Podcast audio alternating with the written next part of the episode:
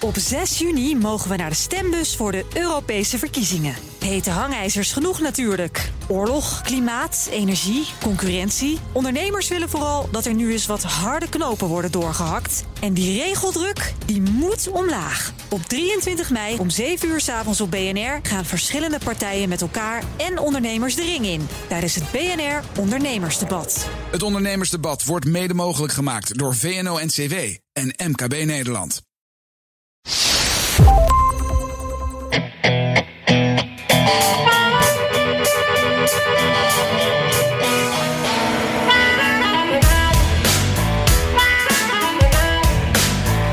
Steek de barbecue maar aan, maak je klaar voor het vuurwerk en kijk nog één keer trots naar de Amerikaanse vlag die wappert in de wind.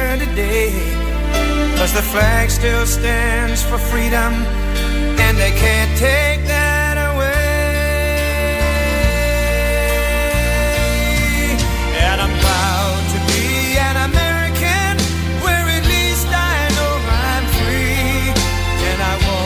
zondag de 4th of July, Amerika's geboortedag. En ook de dag waarop er ook weer zonder al te veel coronazorgen samengekomen kan worden met vrienden en familie.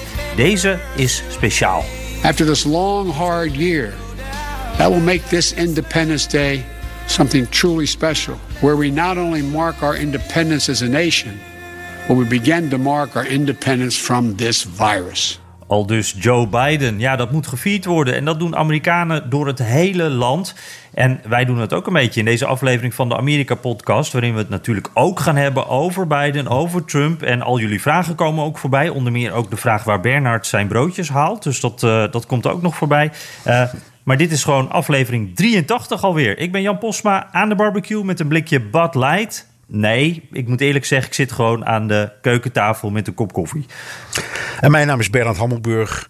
En ik zit met een kop koffie, Jan. En ik moet zeggen, ik ben terug in Amsterdam.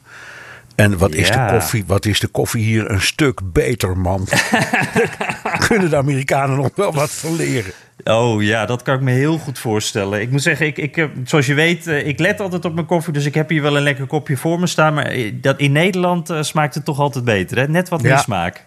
Ja, het, is een, het, het, het klinkt als een uh, sullig praatje, maar het is echt waar. Als je Wereld van verschil. Ja, de wereld van verschil, zo is het. En, Is dat het ook zo te- sowieso trouwens, Bernard? Want je bent nu weer een paar dagen terug. Hoe, hoe is dat? Mis je Amerika al een beetje? Ja, ik mis Amerika enorm, natuurlijk. Dat, dat doe ik altijd. Maar ik kom al heel snel weer terug hoor. Maar ehm, Gelukkig. ik, ik, ik moet, eh, moest een aantal dingen in eh, Nederland.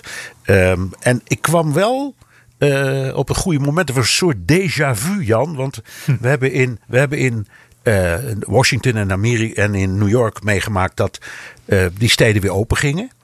Dus Ja. je, kun- je kan weer gewoon de restaurants in en musea in. hey, wat dacht je daarvan? Ja. En, en ik- ik kwam in Nederland terug en dat was precies op het moment dat Nederland ook open ging.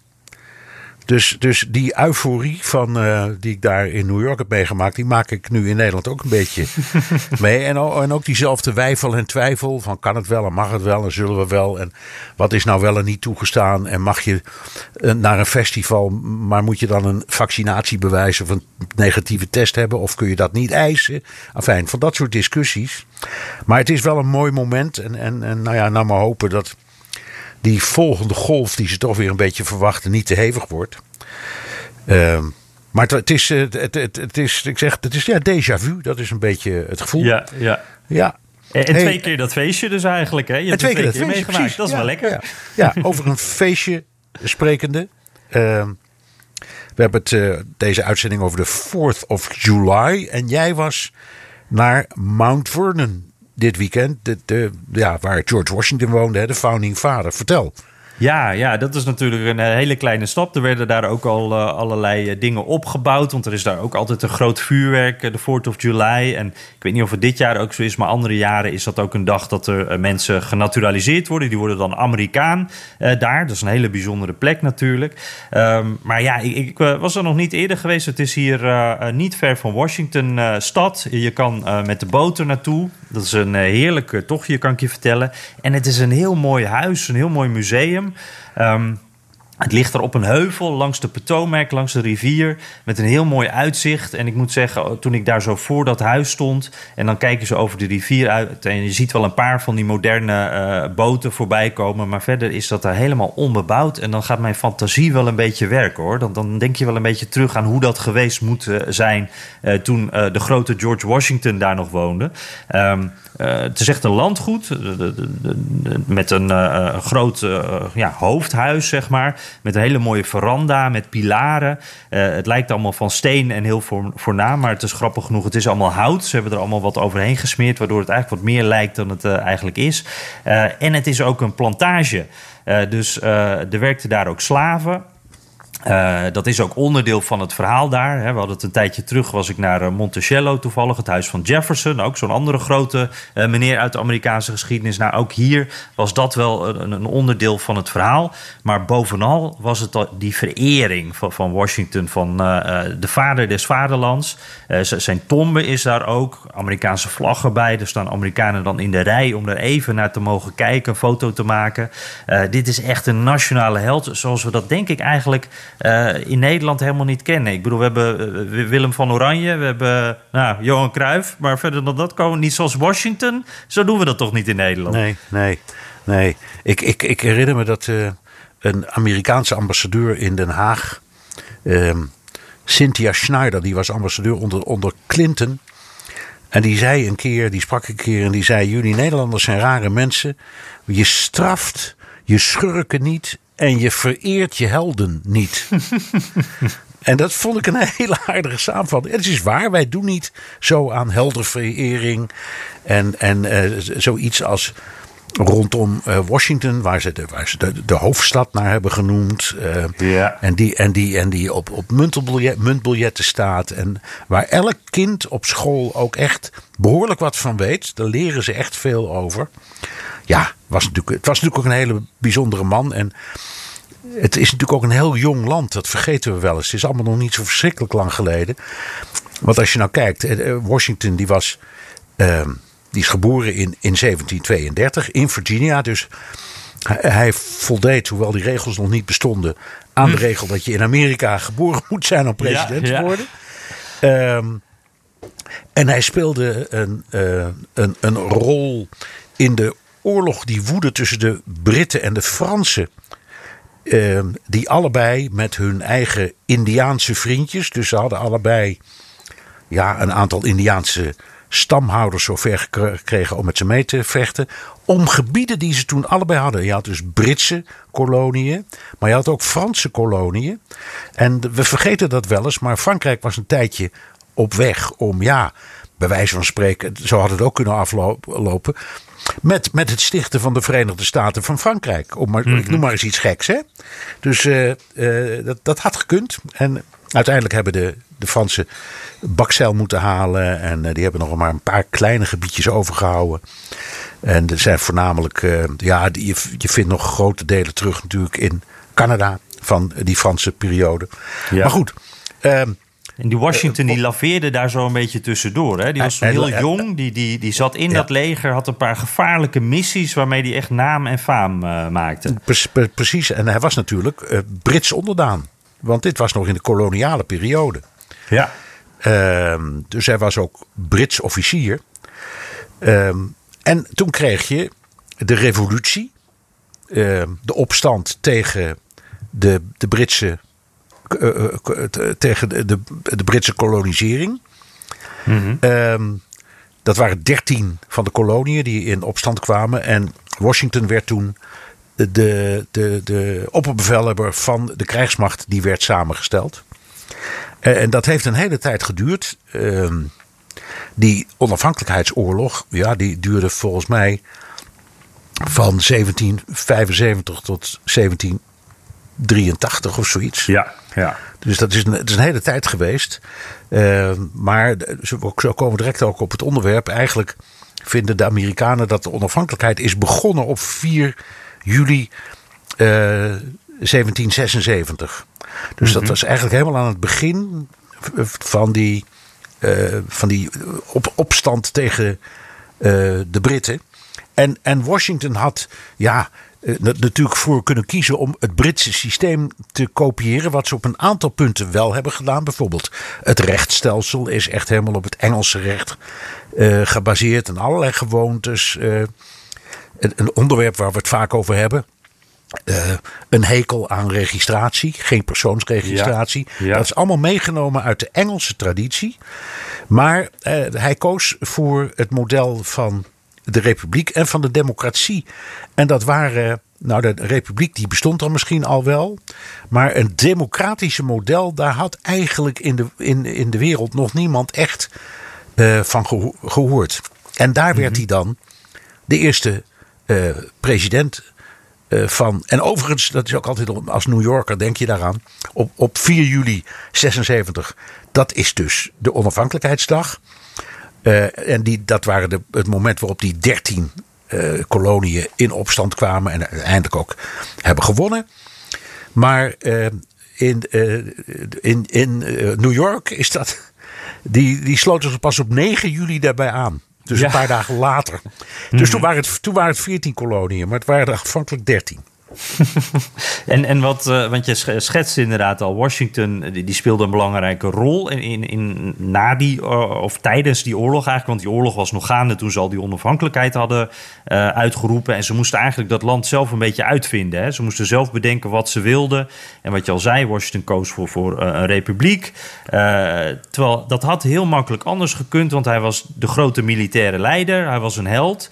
Eh, hij had ook gewoon koning kunnen zijn. Hè? Zeker. Hij had het, gewoon, het had heel anders kunnen lopen. Zeker, hij had, de, daar zeg, had de, de, de Britse traditie over kunnen nemen. In, ook in dat opzicht.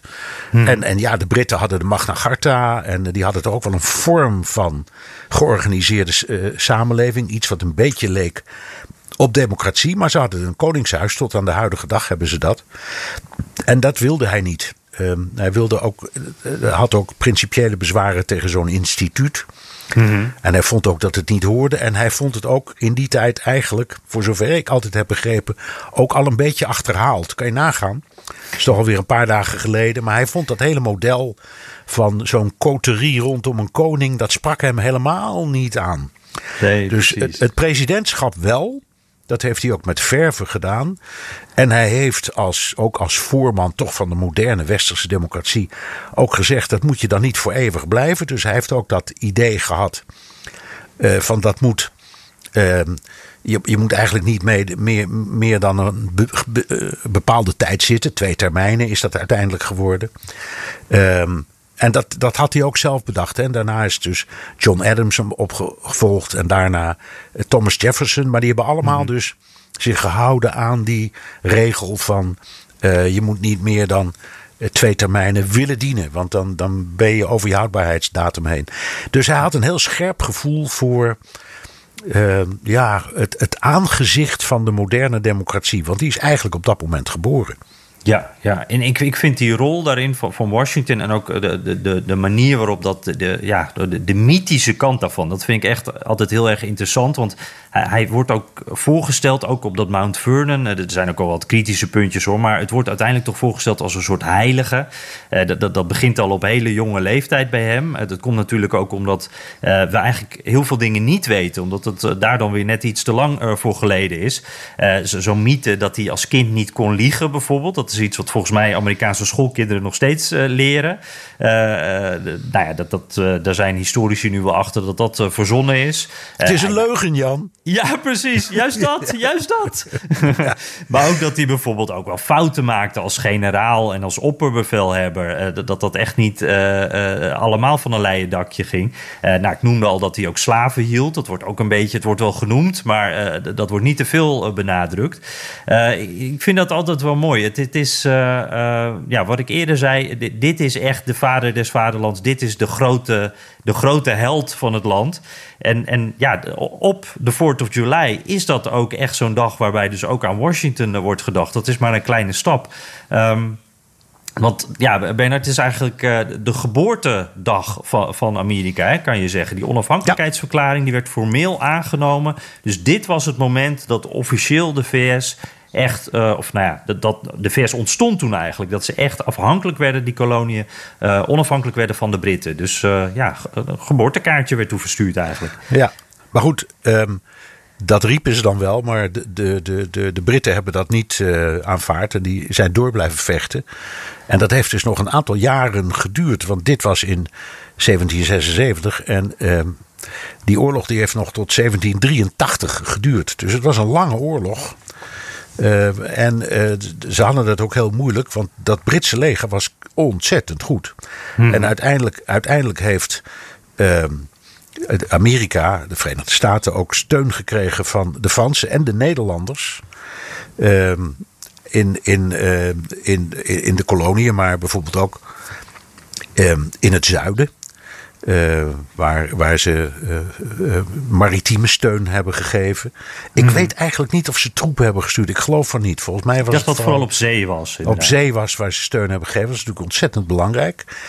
Ehm, en in eh, 1777, dat was dus één jaar nadat de onafhankelijkheid werd uitgeroepen. Toen werd dat al gevierd met 13 kanonschoten in Philadelphia. Waar ehm, eh, toen, eh, dat was eigenlijk de eerste ja, hoofdstad, een tijdje lang hè.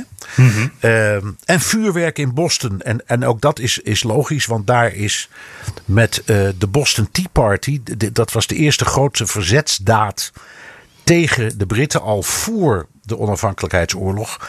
Eh, dus vuurwerk in Boston is ook heel gepast, want daar in het Noordoosten is een groot deel van de revolutie begonnen en uitgedacht. En daar is ook door de, door de, de eerste settlers het, dat model van democratie bedacht. Hè, dus dat, eh, met hele strakke regels voor eh, verkozen, gekozen vertegenwoordigers, maar nooit meer dan één termijn. En dat was dan allemaal verdeeld in hokjes, in gemeentes en provincies. Ehm, en die hadden ook al een onafhankelijke rechtbank. En het was echt heel, die liepen enorm voor. Ehm, en eh, nou ja, dat, dat model dat is gelukkig door eh, de rest van die Verenigde Staten overgenomen. Maar goed, het was toen dus in 77, één jaar na de officiële afhankelijkheid, al feest. Met eh, Ja. een, ho- een hoop drank voor de soldaten die dat lekker mochten vieren. Ja. Maar, het, maar het heeft nog bijna een eeuw geduurd voordat het tot officiële feestdag is uitgeroepen. Dat was in 1870. Ehm, en, pas in 1941 werd het een vrije dag voor ambtenaren, maar, maar, maar dus eigenlijk ook voor de rest. En, en sindsdien is het pas de nationale feestdag zoals we hem tot op de dag van vandaag kennen. Ja, precies. Hey, en, en weet je dat er, eh, daar kwam ik eh, laatst pas achter, dat er op dat moment ook eh, uitbundig feest werd gevierd in Franeker. Eh, in eh, 19, of 1782 eh, was daar ook al een enorm vuurwerk om eh, die eh, onafhankelijkheid of die erkenning van de VS om dat te vieren. Want op eh, 26 februari van twee- 1782 was Friesland het eerste gewest dat eh, Amerika eh, de Verenigde Staten erkende. Want die eh, Friese schepen die hadden nogal los, eh, last van Engelse kapers. En eh, dit was een mooie manier om even die, die Engelsen dwars te zitten. Dus ook in Franeker vuurwerk, Bernard. Geweldig, geweldig. Ja, ja. Frankrijk was het eerste land dat als land de Verenigde Staten erkende. En Nederland als land het tweede, bij mijn weten. Maar Nederland is. Frank, de Fransen en de, de Amerikanen hebben een tijdje ruzie gehad. Dus ze, ze zeggen altijd: de, de Nederlands-Amerikaanse band is de langste ononderbroken diplomatieke relatie tussen de twee landen van alle andere eh, landen. Dus de, de- Nederland is wat dat, dat betreft strikt genomen de oudste bondgenoot. Ja, ja, omdat wij nooit ruzie hebben gehad. Nee, Hey, eh, die, die, eh, die hadden we al uitgevochten hè, in New York. Ja, ja, precies. Ja, dat hadden we al een beetje opgegeven, dat stukje. en eh Bernard, als jij met de 4th of July in Amerika bent, hoe, hoe vier jij dat dan? Heb je een speciale herinnering, iets wat je altijd doet? Gaat de barbecue aan bij de familie. Hammelburg? Ja, ja. En dit- ik deed het vroeger zelf, maar de laatste jaren is dat altijd mijn zoon. Want die is een briljante, David is een briljante barbecuer. Ja, ah. Die, die, heeft, die heeft ook zo'n mooie man. Joh, fantastisch. Die, die- die is aangesloten op de gasleiding vanuit huis. Zie je dat voor je? Ja. Dus het, is- het is echt een fantastisch ding. Eh, en ehm, eigenlijk alle jaren eh, vind ik het leuk om naar het vuurwerk te gaan kijken. Ja. En dat is, dat is, als ik in New York City ben, natuurlijk in de stad zelf of daarom, meestal boven de Hudsonrivier. En daar kijk ik, zoals je weet, op uit. Dus dat kunnen we vaak zien. Ehm, maar in alle ja, randgemeenten, buitengemeenten, buitenwijken. Daar hebben ze ook vuurwerk. Dus het maakt eigenlijk niet zo verschrikkelijk veel uit waar je bent. Er is altijd wel ergens vuurwerk. En eh, de, de, de, de Amerikanen zijn verder niet zo van vuurwerk. Bijvoorbeeld eh, iets als oudjaarsavond, dat kennen ze helemaal niet. Nee, dan is het hier de doodse stilte. Ja joh, dan ligt iedereen om half tien in bed. maar, de, maar de 4th of July is echt een uitbundig feest. Wordt echt uitbundig gevierd. En ik vind het leuk. En het is ook leuk om de straat op te gaan en een wandeling te maken. En al die tevreden en gelukkige mensen te zien. En al die mensen die naar speciale sportwedstrijden gaan. Of met hun kinderen iets leuks. Het is echt leuk om mee te maken. Dus ik, ik vind het altijd enig.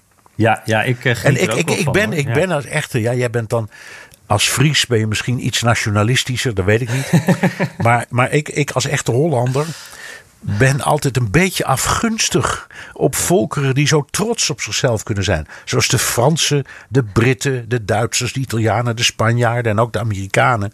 Die kunnen echt uitbundig trots zijn op hun eigen land en hun eigen betekenis. En Nederlanders zijn toch heel erg van doe nou maar gewoon, dan doe je al gek genoeg, weet je wel. Ja. Dus ik, eh, daarom geniet ik des te meer van, eh, ja, van die 4th of July.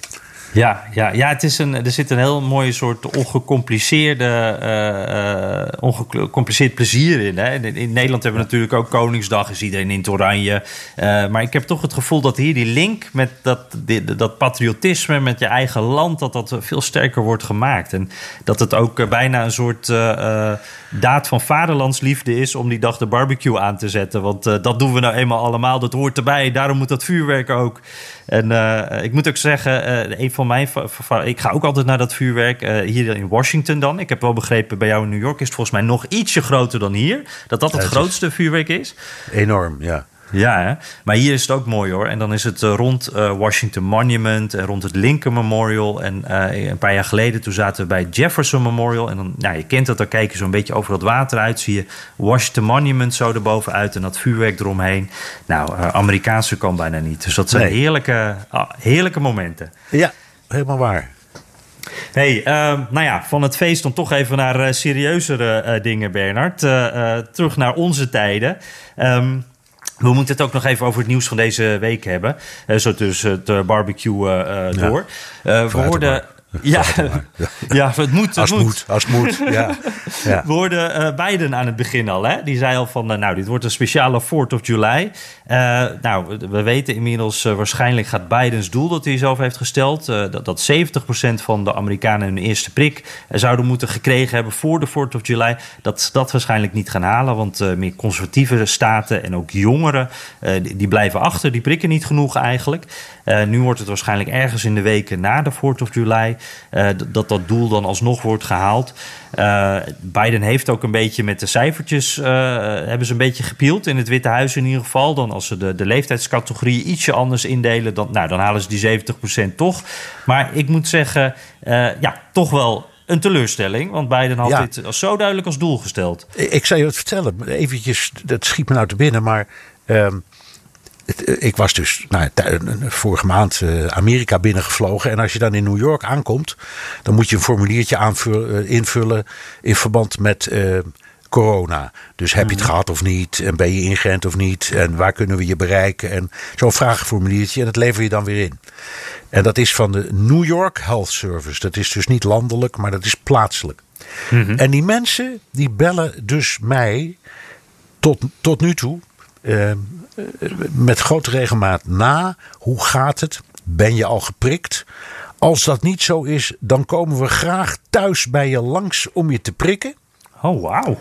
Ja.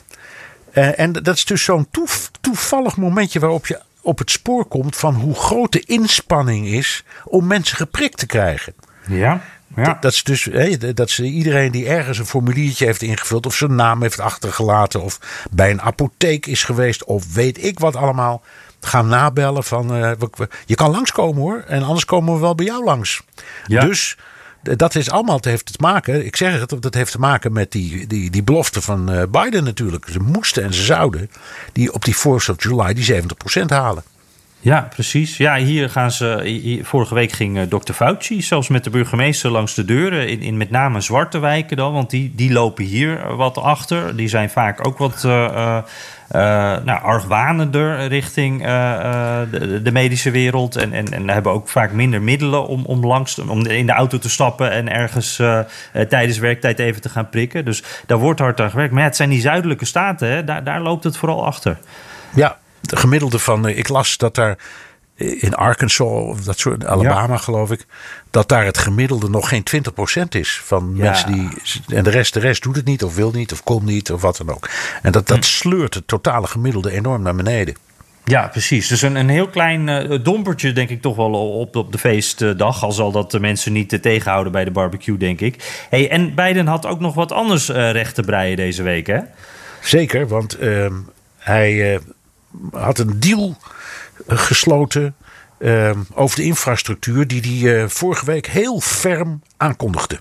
We had a uh, really good meeting. And answer your direct question, we have a deal. Nou, 1200 miljard dollar, daar ging het om. Er moest er wel een beetje onderhandeld worden over waar dat nou precies naartoe zou gaan. Maar Biden stond daar met een groep senatoren van beide partijen achter zich. En het leek dat er een belangrijke stap was gezet. Ja, inderdaad. Het was zo'n eh, hoopgevend beeld. Hè? Hadden we tijd al niet meer gezien. Republikeinen en eh, Democraten achter een democratische president. Maar eh, ja, toen, toen blunderde, vind ik dan, eh, Biden echt wel een beetje. Want hij zei dat hij alleen uiteindelijk zou tekenen... als Republikeinen ook voor zijn andere grote plannen zouden stemmen. Meer de socia- sociale kant van zijn grote ambities voor de komende periode. Ook heel duur.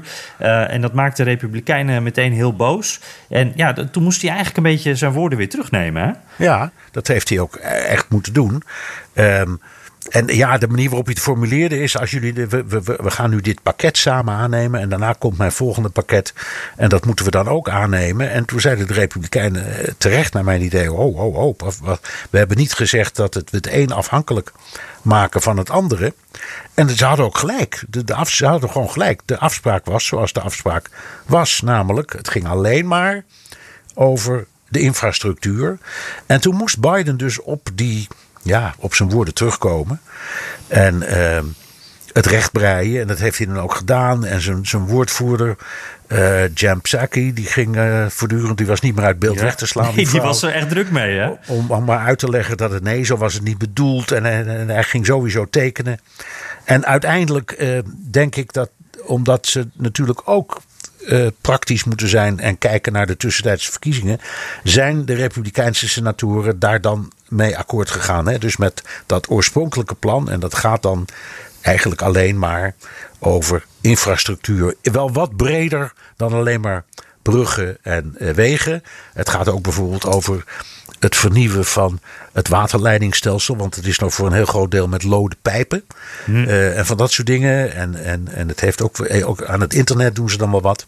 Maar daar zijn ze het dan over eens. ehm, geworden. Maar je kunt zien dat Biden, en dat doet hij vaker, dat hij soms eh, niet beheerst genoeg is eh, om, in de communicatie. En dat hij er maar dingen uitflapt. En zo, Ja. bij zo'n deal als dit, dan wurm je jezelf, voordat je het weet, diep in de problemen. Ja, precies, want het ligt zo gevoelig allemaal. En, en ik moet ook wel zeggen, toen ik dat, dit dus allemaal zo hoorde... toen dacht ik wel echt, oh, dit is echt zo'n zo'n klassiek beide moment. Vind je niet? Echt zo'n moment dat je denkt, oh, hou nou even je mond. Je verprutst het zo allemaal. Ja, ja. Het was overzealous, heet dat in het Amerikaanse. Hé, hey, Ja, Jan, die, die andere man, hoe heet hij ook weer? oh ja, je bedoelt eh, de Donald. Ja, de Donald, die is helemaal Ja. terug. Die, had, die had het afgelopen weekend een campagne-rally. Volgens mij de eerste sinds. De eerste grote rally eigenlijk sinds die beruchte 16 januari. Of zie ik dat verkeerd? Ja, nee, dat klopt. Ja. Nee, en, dan gaat hij, en dan gaat hij morgen naar de grens. Ja, precies. Uh, als wij elkaar spreken, dan uh, is hij zijn koffers aan het pakken, denk ik. Hij gaat samen met de gouverneur van Texas, Abbott, en ook een paar Republikeinse congre congresleden. Nou ja, dan gaan ze kijken naar een stukje muur, denk ik zo. Want dat was natuurlijk Trumps grote, een van zijn grote punten op immigratiegebied.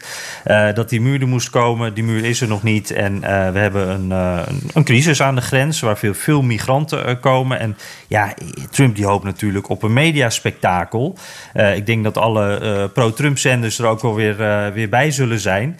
En, en ja, we hebben het ook eerder in jouw programma BNR De Wereld wel eens over gehad. Van dit is ook een manier om een beetje die druk op te voeren op, op het Biden-Witte Huis. Hè, en, en op Kamala Harris, die natuurlijk dit dossier in handen heeft. En die dus vorige week hals over de kop ook even snel naar de grens ging. Om toch te laten zien dat ze daar ook mee bezig was. Ja, dat vond, ik, dat vond ik overigens wel een blunder hoor, hoe dat is gegaan.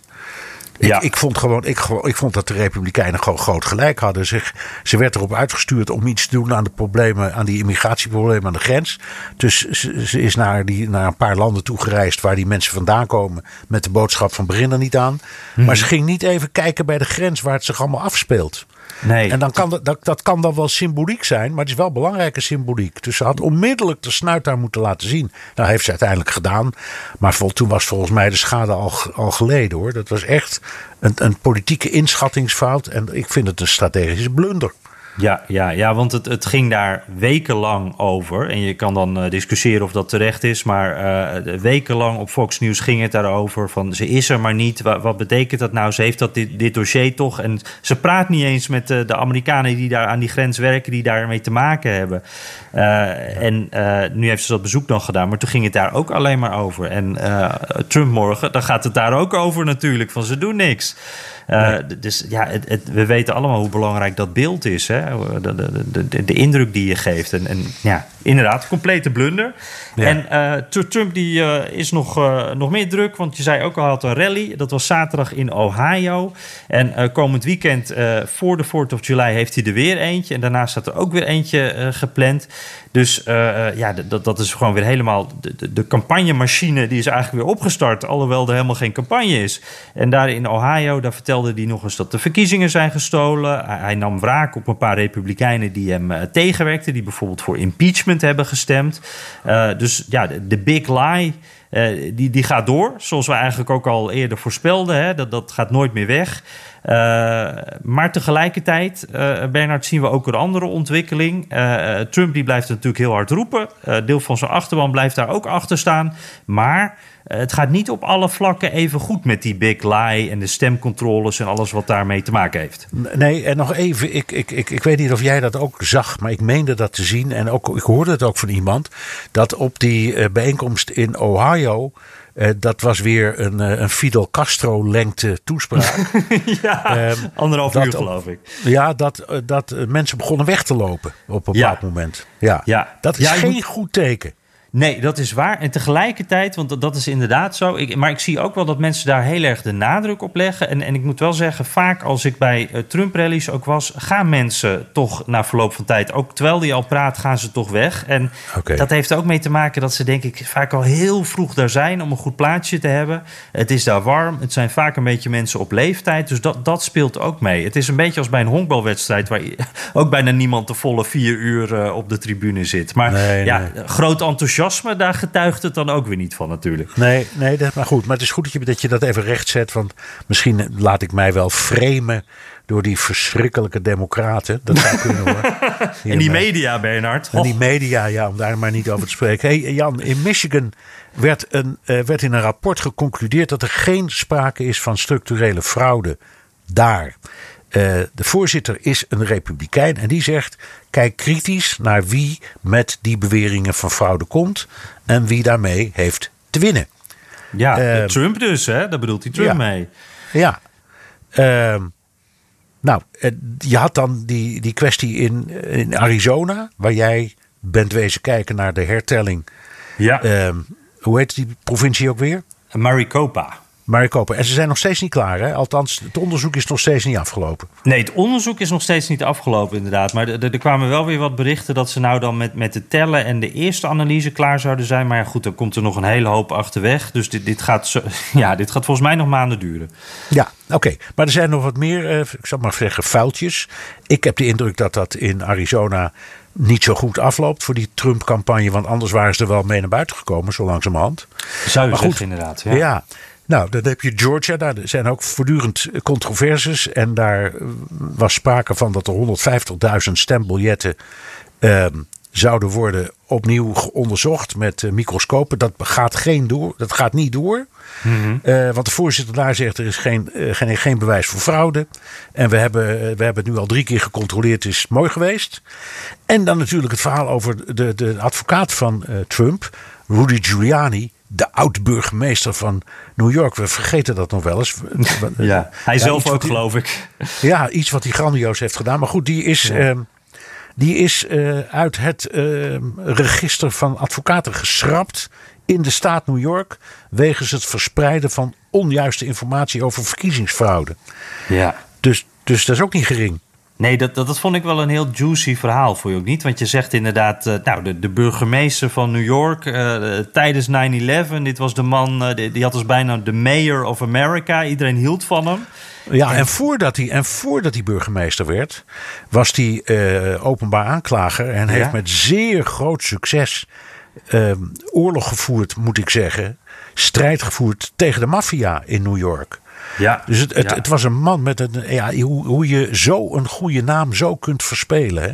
Dat is niet te geloven. precies. Ja, ja, want hij was toen echt een held. Hè? Want hij heeft eh, die, die maffia eronder gekregen met, met de, de, de RICO Act, geloof ik. En dat, dat was, Ja. hij koos daar ook erg de, de publiciteit mee. Maar dat, we, dat vonden mensen ook mooi, want hij was ook echt de held van dat moment. En, en nu, Bernard, hij is... eh, Nou, advocaat mag hij dus voorlopig niet meer zijn. Eh, hij heeft nog wat andere zaken tegen hem lopen. Hij is eigenlijk uiteindelijk... Ja, ne- net als wij heeft hij een podcast... waarin hij regelmatig reclames voorleest voor sigaren en voor eh, kussens. Want eh, eh, die Mike Lindell heet die man, weet je wel? Die, eh, die Oh ja, die, kussenfabrikant. de, de, de kussenkoning. Ja, de kus, dat is mooi gezegd. De kussenkoning. En dat is ook de complotkoning. Want dat is ook zo iemand die eh, gelooft eh, als geen ander in, in, in eh, fraude in, in de laatste verkiezingen. Eh, ja, de- de- dus dat is een soort. eh, die hebben een soort eh, samenwerking daarin. En, en dat is Giuliani nu. De, Ja, de held goed, van Amerika en nu een gevallen podcastman. Ja, en, en dus ook eh, lastig voor Trump. Daar hadden we het over. De, al die tegenvallers die Trump toch een beetje moet incasseren. En dan heb je natuurlijk nog de kwestie in New York. Want we wachten daar op eh, de aanklagers in het, eh, de, in het district New York. Ja, precies. Dat, dat, is nog wel, dat is echt wel even spannend. Want er was, eh, maandag was daar een deadline eh, voor, voor die zaak. Eh, de, de aanklagers daar die, die zijn gaan samenwerken. Hè. Eh, volgens mij eh, Manhattan, eh, of, of zuidelijk Manhattan is dat dan? Of zuidelijk New York en Manhattan? Nou, in ieder Ja, geval... eh, ja. Zuidelijk New York. Ja, zo Ja, heet ja, het. Precies. de- de- de- het district van Zuidelijk New York. En daar valt dus ook een heel groot deel van Brooklyn onder. Hè? Dat is veel groter dan Manhattan. Ja, ja, ja, ja. Maar, eh, eh, en de staat New York die werken nu samen om die, die grote Trump-organisatie te onderzoeken. En, en afgelopen maandag eh, ja, moest de Trump-organisatie eigenlijk redenen geven waarom dat onderzoek niet door zou moeten gaan. Dus ze mochten een soort eh, redenen Repliek. geven. Een soort repliek in de, voor de rechter. Ja. Ja, precies. En, en nou, die deadline is. eh, het feit dat die deadline er was, dat werd gelekt. Maar wat er toen gebeurd is, dat weten we nog niet. Dat is op, op het moment dat we elkaar spreken nog steeds spannend. Maar ja, de, de gedachte is toch van. eh, nou, als die aanklagers eh, het zover tot dit punt laten komen. dan moet er dus ook wat te onderzoeken zijn. Dan hebben zij het gevoel dat er een zaak is. En dan eh, is het wachten tot de aankondiging dat dat echt eh, helemaal gaat starten. Dus dat, eh, Ja. dat blijft Ja. wel spannend. En even voor de duidelijkheid, dat zou dan gaan om sjoemelen met eh, ehm, cijfers in de balans- en winst- en verliesrekening hè, van de Ja. organisatie. Want Ja. als ze geld nodig hadden, dan, ehm, dan, stond, dan stond op de balans het onroerend goed tegen maximale prijzen in de, in de boeken. Eh, en als ze belasting moesten betalen, dan stonden ze als ongeveer afgeboekt of waardeloos in de boeken. Ja, precies. De Ja. sky was de limit voor, voor de een en het was bijna niks waard voor de ander. En dat, eh, Precies. dat kan natuurlijk niet. En, en, en dat is wat ze volgens mij vooral onderzoeken. En de vraag is of dat dan crimineel gedrag is. En uit de verklaringen van die aanklager zou je afleiden dat dat inderdaad het geval is. Maar goed, ja, heel spannend. precies. Ja, ja en, en wat we daar misschien dan ook nog even bij moeten zeggen... wat ik zie dan hier op eh, Amerikaanse tv... allemaal opgewonden berichten over een eh, Donald Trump... die achter de, de tralies zou ver- verdwijnen. Eh zover is het nog niet, hè? Eh, we moeten allemaal nog maar een dat- beetje afwachten. Ja, het dat, dat is altijd heel goed dat je het zegt. ehm, en dat is ook, ik vind dat foute journalistiek.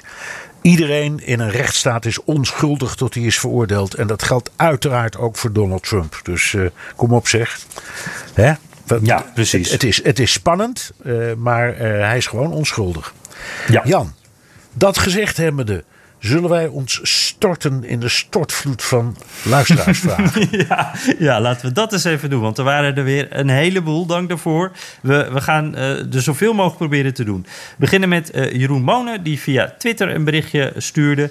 Eh, die zegt: Als 19-jarige student met een grote interesse in de buitenlandse en Amerikaanse politiek luister ik elke week naar zowel de Amerika als de Wereld podcast. Nou, mooi Bernard. Die, die hoort jou dus twee keer per week. Ja, nou fijn. Het is hartstikke fijn om te horen. En je weet hoe blij we zijn, ook bij BNR, dat eh, mensen van die generatie die zender en de podcast weten te vinden. Ja, want het hele, het- we zetten heel erg in op jongere luisteraars. En gelukkig, we krijgen in de reacties vaak wat jongere mensen. Maar alleen daarom ben ik al heel gevleid.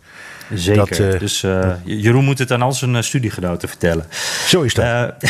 En hij ja, heeft het dan over de, de, de, de rol van Trump. En, en bijvoorbeeld met de midterms die eraan zitten te komen volgend jaar als congresverkiezingen zijn.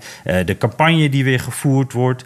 En hij vraagt zich dan af, zal Trumps aanwezigheid in de politiek en in de media... zou het niet juist kunnen dat dat averechts werkt? En dat dat er een grote motivatie bij, op zal leveren bij de democraten... in plaats van de republikeinen? Ja, Ja. dat is wel een goede vraag. Ik vind het een goede vraag en hij is moeilijk te beantwoorden, zeg ik. Omdat het, het is, is, staat vast dat bij zijn eigen aanhang, en die, die is groot zoals we weten, het werkt als een trein. Als hij daar zijn neus laat zien, dan zijn ze heel blij. Alleen, die aanhang heeft hij al. Dus die republikeinen, die stemmen al republikeins. Het gaat om mensen overhalen.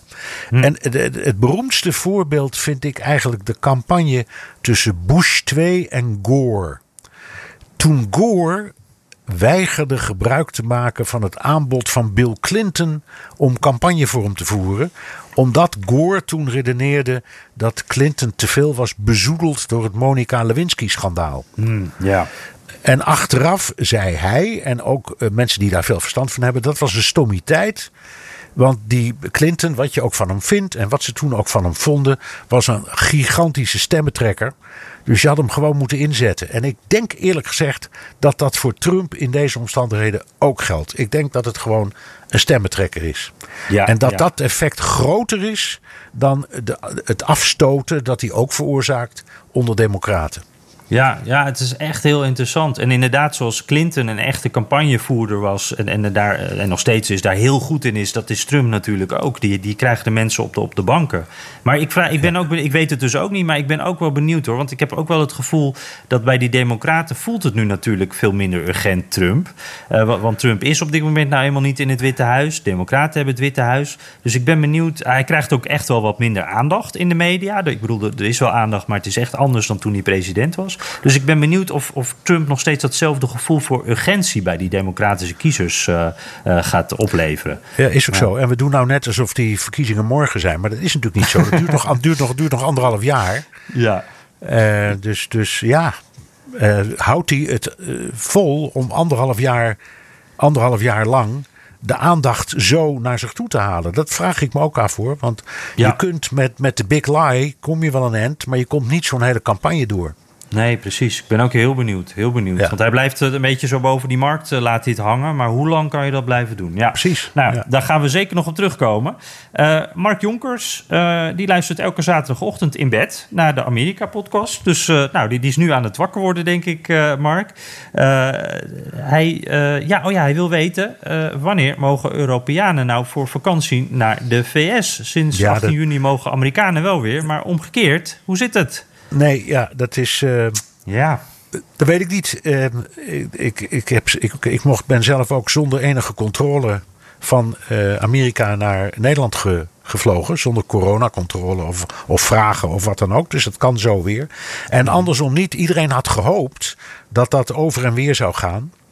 Eh, maar de Amerikanen die kijken niet specifiek naar Nederland, waar het op, op het ogenblik best, best goed gaat. Maar die kijken naar heel Schengen. Eh, dat begrijp ik ook wel hoor. Want die vergelijken dan de Verenigde Staten wat dat betreft een beetje met Schengen. Ook zo'n groot gebied. Dus die, Ja. willen het, die willen het liefst gewoon wachten tot ze voor heel Schengen weer de poort open kunnen zetten. En ik denk eerlijk gezegd dat dat niet lang meer duurt. Nee, ik, eh, ik ben heel benieuwd. Het, het, eh, wat ik een interessant puntje vond, eh, je kan er niks aan ontlenen verder, maar er wordt nu gezegd dat 21 juli echt het moment zou zijn dat de grens tussen Canada en Amerika weer open zou gaan en ook Mexico. En nou ja, dan wordt er altijd bij gedacht, maar de wens is de vader van de gedachte, dat dat, ja, dat dat misschien dan een moment kan zijn dat er meer open gaat. Maar ja, uiteindelijk Ja. weten we het niet, hè? Begin van de zomer, hè? 21 Ja. juli. Dus, Ja, ja. ja. Precies. En, en trouwens, Bernard, want je zegt helemaal niet gecontroleerd. Heb, heb jij, want je, dankzij een green card kan je heen en weer reizen op dit moment. Als Nederlandse toerist eh, kan je dat dus nog niet. Hebben ze ook niet naar die green card gekeken? Ja, jawel, jawel. Nee, Oh, nee wel, ik, zei wat, wat, wat eh, COVID betreft. Ja, precies. precies nee, nee. precies. Dus, dus Ja. naar Amerika toe ehm, eh, moest je nog een, een test doen. Maar dat is dat, dat, als Nederlander, dat wel. Maar terug, dus van eh, Amerika naar Nederland, helemaal niets. Ja. ja. Daar zijn dus al die regels, die regels ook, ook die, die, dat verhaal over een, een test, zoveel uur voor je vertrek of aankomst, dat is allemaal afgeschaft. Ja, nou dat scheelt er weer. Maar voor de Nederlandse toeristen die dus aan het smachten zijn... eh, als je geen green card of, of een bepaalde andere visa hebt... gewoon als toerist op toeristenvisum... dan Heel even volhouden nog. Ja, precies, precies. Eh, we, we verwelkomen jullie hier allemaal eh, zodra het weer kan. Eh, Simon Kerkhoffs. ja, oh dit was wel een hele mooie, Bernard. Ik denk dat ik weet uit welke deli of diner jullie de broodjes en koffie ha- hadden bij jullie laatste podcast. Toen zaten we gezellig bij jou aan de keukentafel, Bernard. En je had heerlijke broodjes en, nou, laat ik zeggen, Amerikaanse koffie, maar hij smaakte heel goed, eh, gehaald. Eh, en hij de Simon die zegt, als ze echt zo lekker waren als jullie vertelden, dan kan het alleen maar. Eh, ja, er staat een eh, tweet, eh, Twitter-adres bij: Sabars. Nee, zijn Zeebar. Natuurlijk. beroem- sorry. Zeebar is denk ik inderdaad wel zo ongeveer de beroemdste deli in New York. Nu nog, er zijn er een heleboel verdwenen. Maar Zeebar is een begrip. Dat is een supermarkt. maar ook maar, maar, ja, uitgegroeid uit een delicatesse. Daar heb je ook een hele grote tweede verdieping. Waar je allerlei dingen kunt kopen k- voor eh, de keuken, zal ik maar zeggen. Alles wat met koken te maken heeft. En die hebben, die hebben grandioze delicatessenafdeling. Maar daar was ik niet, eh, Simon. Dat is net iets te ver. Want ik, wij wonen op de 92e straat. En dit is eh, uit mijn hoofd even op 79. En dat is eh, net even te ver heen en weer hollen. ja, dan zijn de Eh, broodjes en de koffie koud. Ja, precies. Dus ik, dat, anders had ik het graag. Hij heeft groot gelijk. Maar ik heb het Ja. om de hoek gehaald eh, bij een ook niet onbekende. En die heet Tal. T-A-L. Ehm, die, die bestaat, die zit daar ook al tientallen jaren.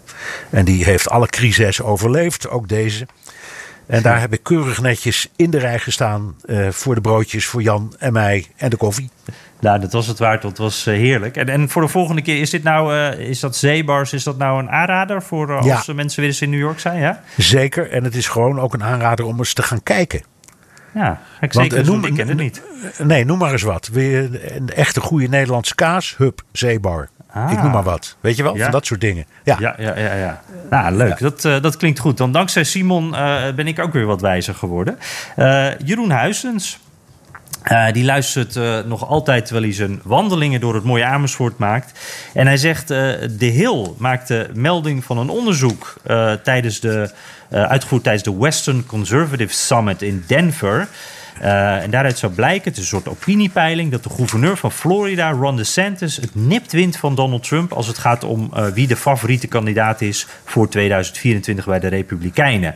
Eh, het, hij krijgt 74% en eh, 71% zou naar Trump dan gaan. Het bewijst dat Trump nog steeds populair is. En ja, zegt dat ook wat over die populariteit van DeSantis? Is dit niet een teken aan de wand, zegt Jeroen? Nou, wat zeg je zelf, Jan?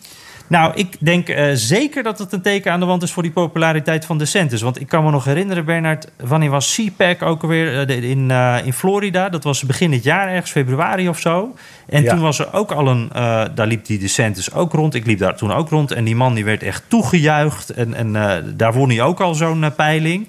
En ik, ook als ik Republikeinen spreek, die hebben het altijd dan ook over, als het over corona gaat, oh in Florida, daar hebben ze het goed gedaan. Want daar hebben ze het gewoon alles opengegooid. De economie draait daar nog gewoon.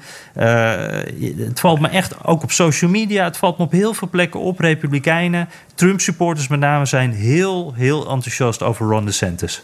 Ja, nou ja, wie weet. Ik, eh, ik had die peiling ook gezien trouwens hoor. Dat hij net, net iets voorloopt. Maar ja, dat is nu. Ja, Eh, dat is ook, maar, het is, ja. maar het is toch interessant dat die man daar op zijn minst zo goed scoort als Trump. Ja, en het is echt een Trumpist, hè? Dus hij, eh, hij uit dezelfde Nou, school, zullen we maar zeggen. Ja. Ja.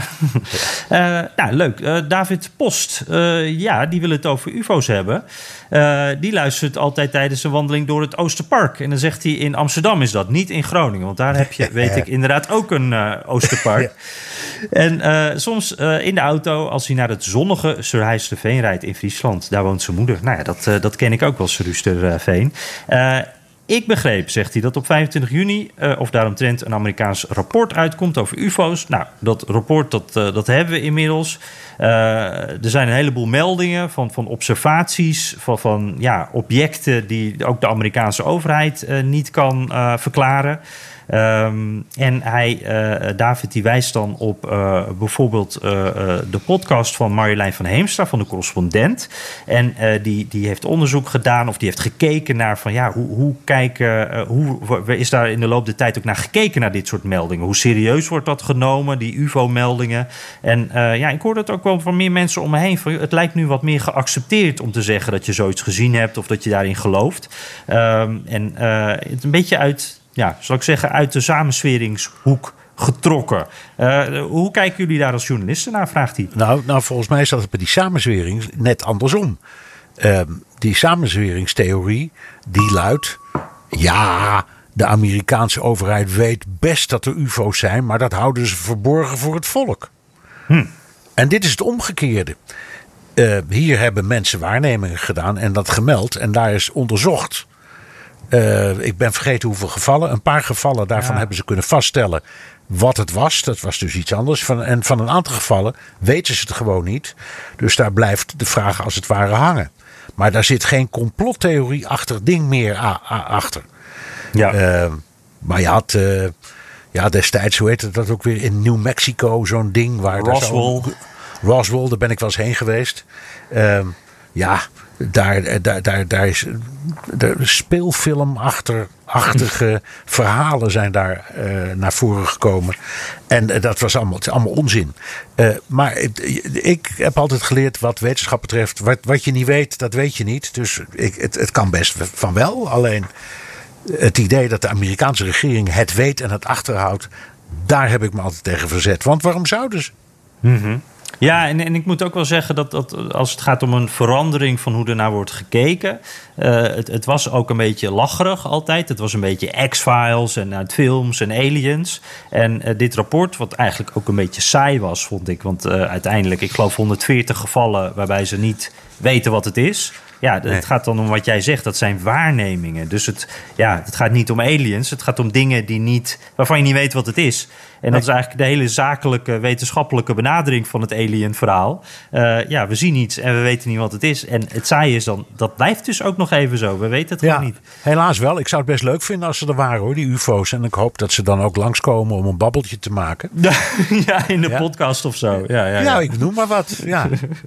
ja, precies. Maar wel interessant. Maar ik moet ook wel zeggen, ik, eh, eh, ik weet niet hoe het bij jou zat, Bernard. De voorpret voor dat rapport was voor mijn gevoel wat groter dan uiteindelijk toen het was. Of je er toch een beetje precies, tegen. Ja. ja.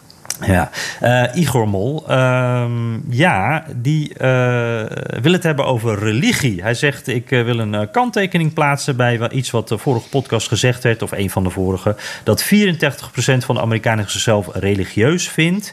Ehm, hij zegt, ik ben zelf woonachtig in Phoenix, Arizona, daar is het heel warm nu.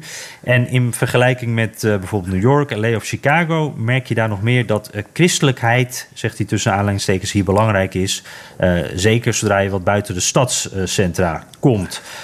Op elke straathoek wel een kerk. Hij zegt dan: Ik ben zelf atheïst en vrij antireligieus, lid van de American Atheist zelfs. En ik weet via dit kanaal dat de studie van zo'n twee jaar geleden voor het eh, eerst meer dan 50% van de Amerikanen zich juist als niet gelovig aanduidt. Oh, dat klinkt wel als heel veel. Ja, maar, ja, maar als, als dat is onderzocht door atheïsten. Dan heb ik de neiging dat met een geloof zout te niet. nemen. Nee, dan geloof ik niet. Nee, nee ik, heb, ik heb mij destijds gebaseerd op. Ik meen een peiling van Pew, P-E-W. Dat Ja, is ja, ja, een, ja, ja. een- van de betere peilingbureaus. En Ja. daar had ik het cijfer van. Dus uh, met, met alle respect, Igor, maar daar hou ik nog even aan vast. Ja, ja ik moet, want ik ging ook even op zoek. Want toen dacht ik van hoe zou het nou zitten? En toen kwam ik ook Pew tegen inderdaad. En dat is, ja, die, die hebben dan eh, eh, echt grote onderzoeken gedaan. Doen dat ook al heel lang. Dat je de ontwikkeling er ook wat eh, in kan zien. Ehm, ja, dus die, die, die hebben toch wel hele betrouwbare cijfers. Eh, hij zegt dan ook nog eh, over vaccinaties. Eh, hij vindt ons niet partijdig. Dit is een reactie op een reactie van een luisteraar. hij zegt objectief verhaal van Bernard. dat die luisteraar misschien niet zo aanstaat. Maar in de woorden van Maarten van Rossum. Informeer jezelf eens. Lees een boek. School jezelf. En kwaak niet elke nonsens van social media naar.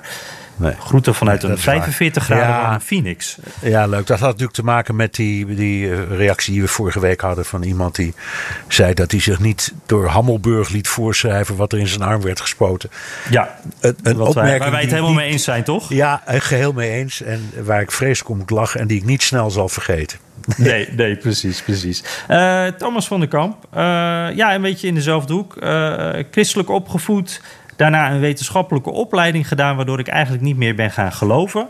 Oei, Eh, oei, oei. Ja, Oei. dat is dat- onthulling hier nou, van Thomas. Nou ja, nee, kun, je, Thomas. kun je zeggen dat omdat je gaat studeren... dat je daardoor van je geloof valt? Dat vind ik een harde hoor. Er zijn, er zijn genoeg academici die eh, diep gelovig zijn. Dus dat vind, ik, dat vind ik een enge. Vind je niet? Dat is weer, die, die combineren het, die combineren het. Maar eh, nou ja, voor, voor Thomas is het niet zo gelopen. En hij vraagt zich af, hoe kan het land met de meeste Nobelprijzen... en de beste universiteiten en wetenschappers nog steeds... en hij zegt dan, ik citeer jullie... zichzelf voor 85% gelovig noemen. Die tegenstelling Ja, nou. tussen de wetenschap en die, die religie. Ja, nou, dat, Moeilijk, dat hè? is. Ja, nee, maar die bestaat niet. Eh, dat, is gewoon niet dat is gewoon onzinnig. Ehm, in, in de wetenschap zijn heel veel mensen eh, eh, wel godsdienstig of religieus en sommigen niet. Maar ik, je kunt niet zeggen dat hoe meer. Hoe, meer je op de, hoe langer je op de universiteit vindt, zit, hoe sneller je je godsdienst verliest. Daar geloof ik echt niks van. Nee. Nou ja, dat geldt in ieder geval voor heel veel mensen ook niet, inderdaad. Eh, Nee, eh, Thomas dus- heeft een andere ervaring, ja. Ja, ja. Nou ja, ik denk even aan Einstein. Die wel, nou niet religieus, maar die was zeker niet onreligieus. En die heeft dat ook wel benoemd. En die zei dan altijd typisch op zijn Einstein: er zijn een heleboel dingen die ik niet weet. Maar ik geloof wel een beetje. Dus het, het, sluit elkaar helemaal niet uit. Ja, ja, ja. nou, eh, dank in ieder geval eh, deze ongelovige Thomas. Ik zeg het als grapje hoor, Thomas. Uit Megen. Eh, dank voor je vraag. Winston Mungra, eh, die zegt... ehm, de vraag die ik heb is... hoe komt het dat republikeinen zo zeker zijn... dat ze de midterm elections in 2022 zullen winnen? Nou, ik, weet niet of ze daar zo zeker over zijn... maar daar komen we zo nog even op terug. Hij noemt dan een paar eh, redenen... waarom het voor die republikeinen helemaal niet zo eh, makkelijk zal zijn. Hij zegt van ja, die pandemie die, die wordt goed aangepakt onder Biden. De economie kan niet slechter en zal alleen maar beter worden. Ehm, hij zegt ook, eh, eh, ja, Trump heeft wel een hele grote en eh, trouwe aanhang, maar het is ook een verdeelde partij. Hij wijst dan naar Mitt Romney, Liz Cheney, dat soort mensen. Ehm, nou, hij heeft het dan nog over de voting rights, waar we het ook eerder over hebben gehad, hè, die strengere wetten. Maar hij zegt van dat zal mensen ook juist stimuleren om te gaan, want mijn stem zal je niet afpakken.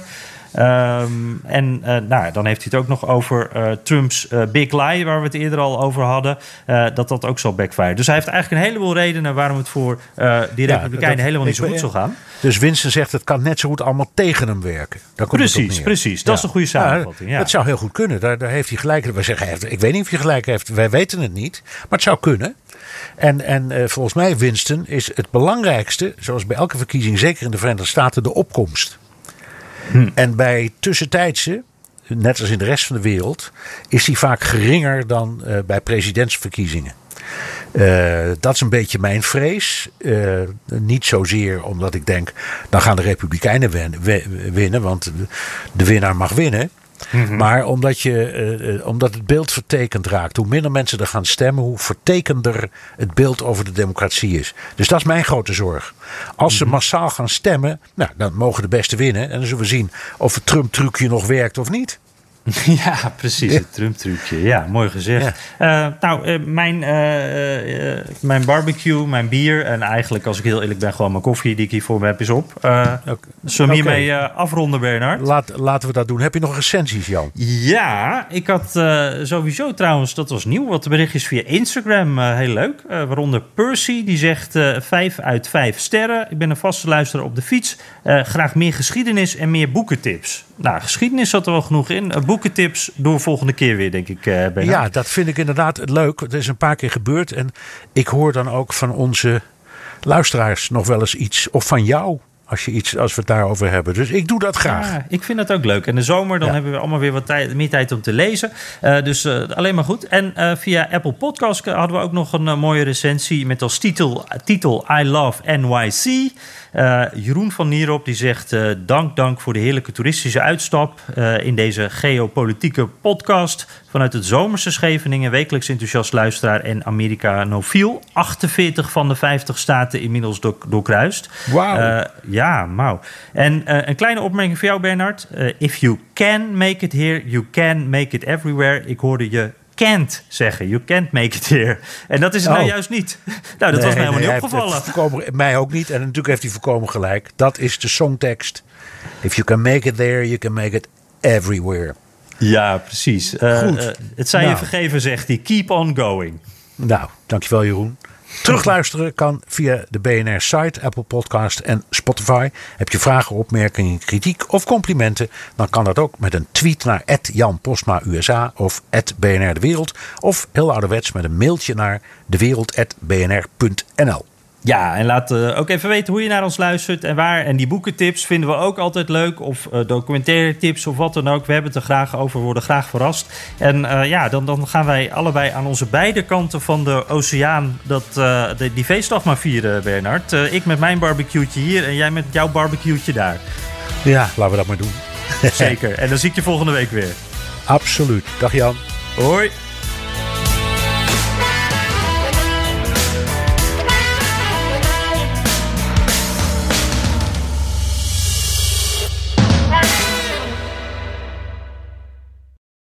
Op 6 juni mogen we naar de stembus voor de Europese verkiezingen. Hete hangijzers genoeg natuurlijk. Oorlog, klimaat, energie, concurrentie. Ondernemers willen vooral dat er nu eens wat harde knopen worden doorgehakt. En die regeldruk, die moet omlaag. Op 23 mei om 7 uur 's avonds op BNR gaan verschillende partijen met elkaar en ondernemers de ring in. Tijdens het BNR Ondernemersdebat. Het ondernemersdebat wordt mede mogelijk gemaakt door VNO-NCW en MKB Nederland.